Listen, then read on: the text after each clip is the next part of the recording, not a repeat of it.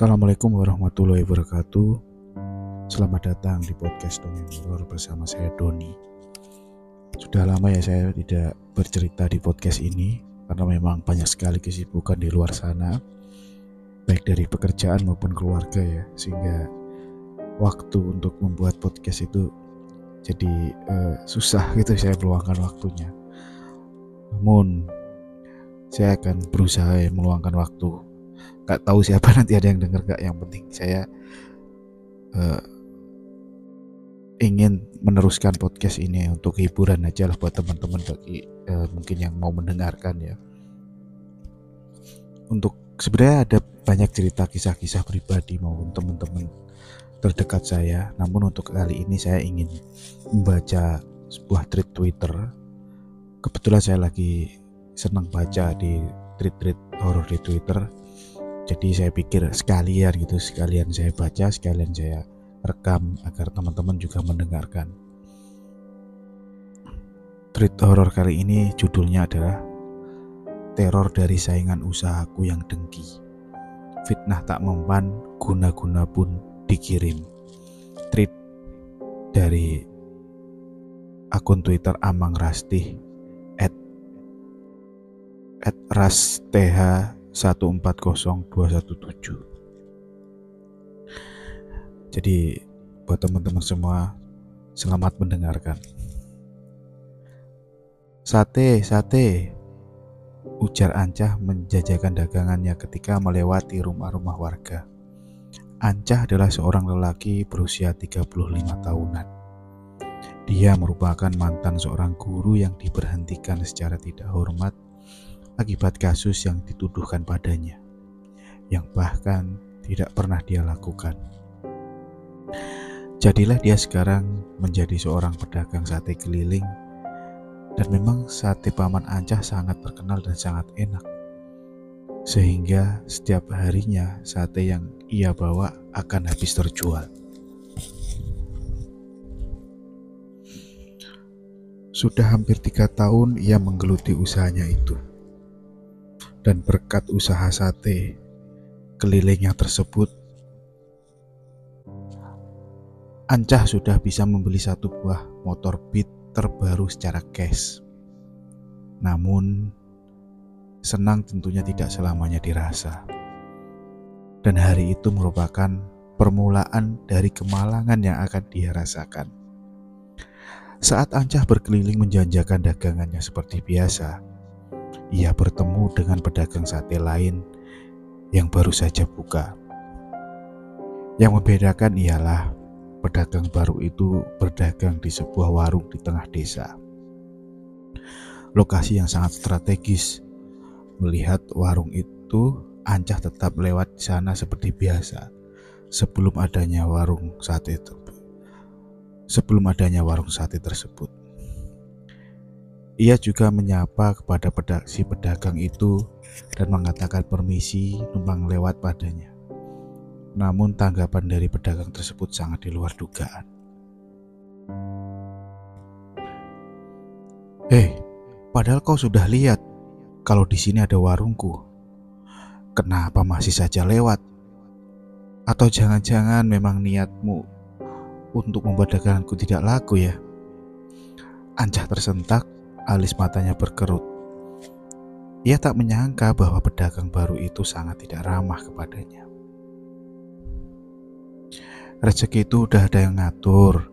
Insya Allah, walaupun saya lewat depan warungmu dan berkeliling, kamu tetap akan mendapatkan rezekimu sesuai takarannya masing-masing. Jadi tidak perlu takut rezeki kita tertukar, ujar Ancah. Mendengar jawaban Ancah, si pedagang baru itu pun lantas mendengus Tampaknya yang sangat kesal pada Anja. Anja lalu melanjutkan langkahnya untuk menjajakan sate. Seminggu sudah warung sate itu buka. Dan seperti yang Anja lihat, setiap kali lewat di sana, warung itu sangat ramai pembeli. Sama saja dengan dagangan Anja. Namun, ada yang berbeda kali ini. Karena saat Anja lewat di warung sate tersebut, ia diberhentikan oleh si pemilik warung sate itu. Maafkan saya ya yang sempat marah-marah tidak jelas padamu waktu itu, ucapnya pada Anja. Iya tidak apa-apa saya paham, jawab Anja sambil tersenyum. Sekitar 10 menitan, Anja mengobrol di sana. Sesekali pedagang sate itu menyinggung tentang resep bumbu satenya dan lain-lain.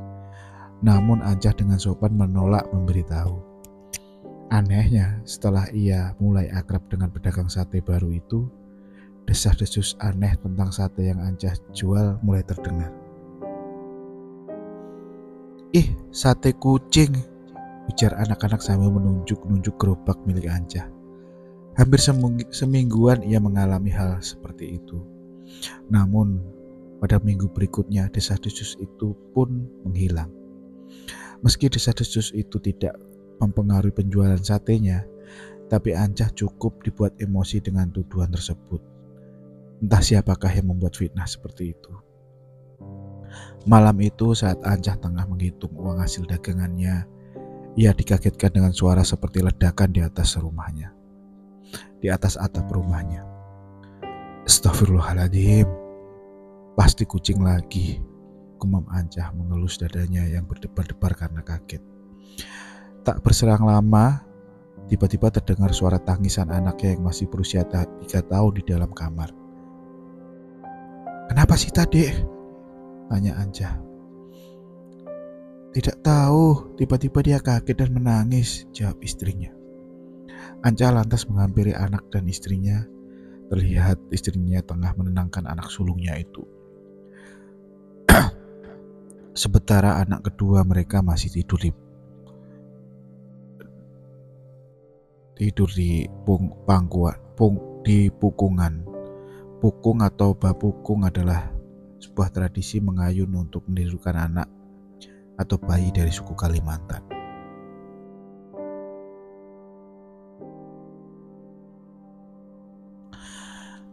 Tidak biasanya Sita menangis ya dek.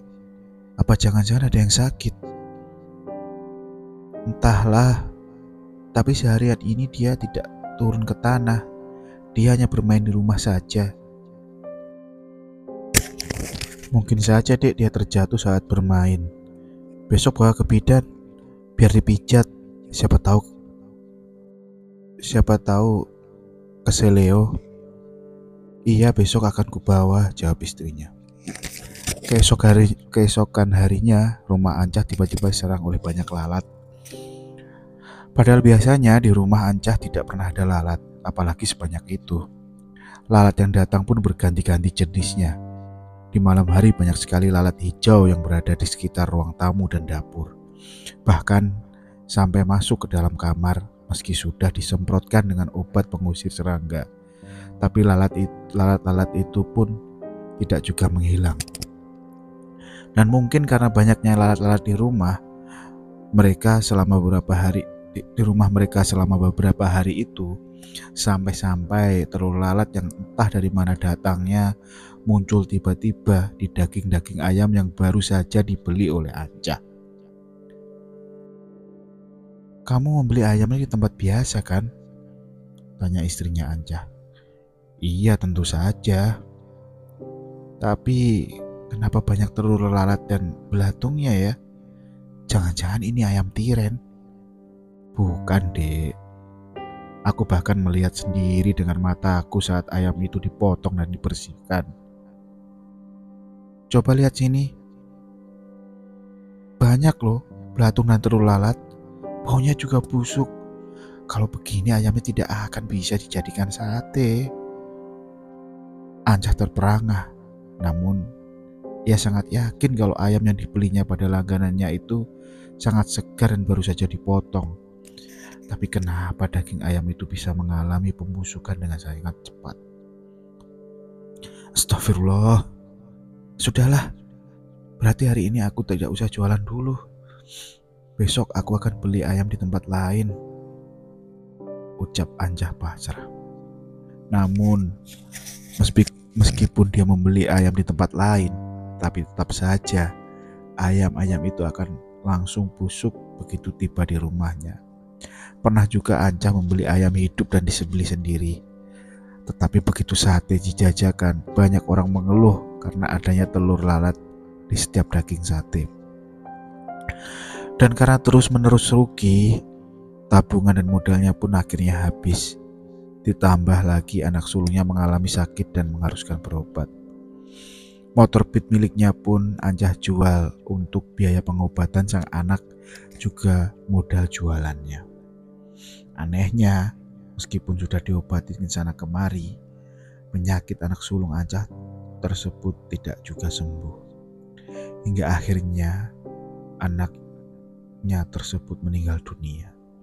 Sebagian pelayat mengatakan kalau keluarga Anjah sepertinya kena dampak dari rasa iri dan dengki seseorang yang membuat orang itu mengirimkan guna-guna ataupun gangguan gaib pada mereka. Namun, Anjah tak begitu mendengarkan akibat dukanya yang teramat sangat. Keadaan berubah setelah anak sulungnya meninggal. Dagangannya perlahan-lahan mulai lancar. Namun, itu hanya bertahan satu bulanan dan setelah semuanya kembali kacau lagi, apalagi setelah Anjah dan istrinya bergantian mendengar suara dentuman di atas atap. Tak hanya itu, tapi di rumah mereka pun mulai dirasuk, dimasuki kelabang dan ular kecil. Bahkan mereka pernah keluar dari rumah malam-malam disebabkan gangguan ular yang masuk ke dalam rumah dan hampir menggigit kaki istrinya Ancah juga anak mereka yang berada di ayunan. Bingung saya, akhir-akhir ini setelah banyaknya lalat di rumah, tiba-tiba sekarang banyak ular dan kelabang, keluh ancah pada salah satu pelanggan setianya. Kau tidak merasa itu aneh? Iya saya merasa, apalagi setelah anak saya meninggal, itu tiba-tiba lalat di rumah hilang dan dagangan saya juga laris lagi karena tidak ada telur lalat dan belatung di satenya. Sudah pernah kau coba periksa ke orang yang bisa untuk menanyakan ada apa dengan usahamu itu? Anca menghela napas menggeleng pelan. Sudah pernah, tapi tetap saja seperti itu. Jadi sekarang saya pasrah saja. Mau buka usaha lain, modalnya tidak ada. Sebenarnya aku sudah lama ingin memberitahumu ini. Aku punya kenalan. Dan orang ini juga yang membantu membuang kuda-kuda di usahaku. Jadi kalau kamu mau, aku punya kontaknya yang bisa kamu hubungi. Beritahu dia kalau aku yang memberikan nomornya padamu. Saya mau, jawab Anjah cepat.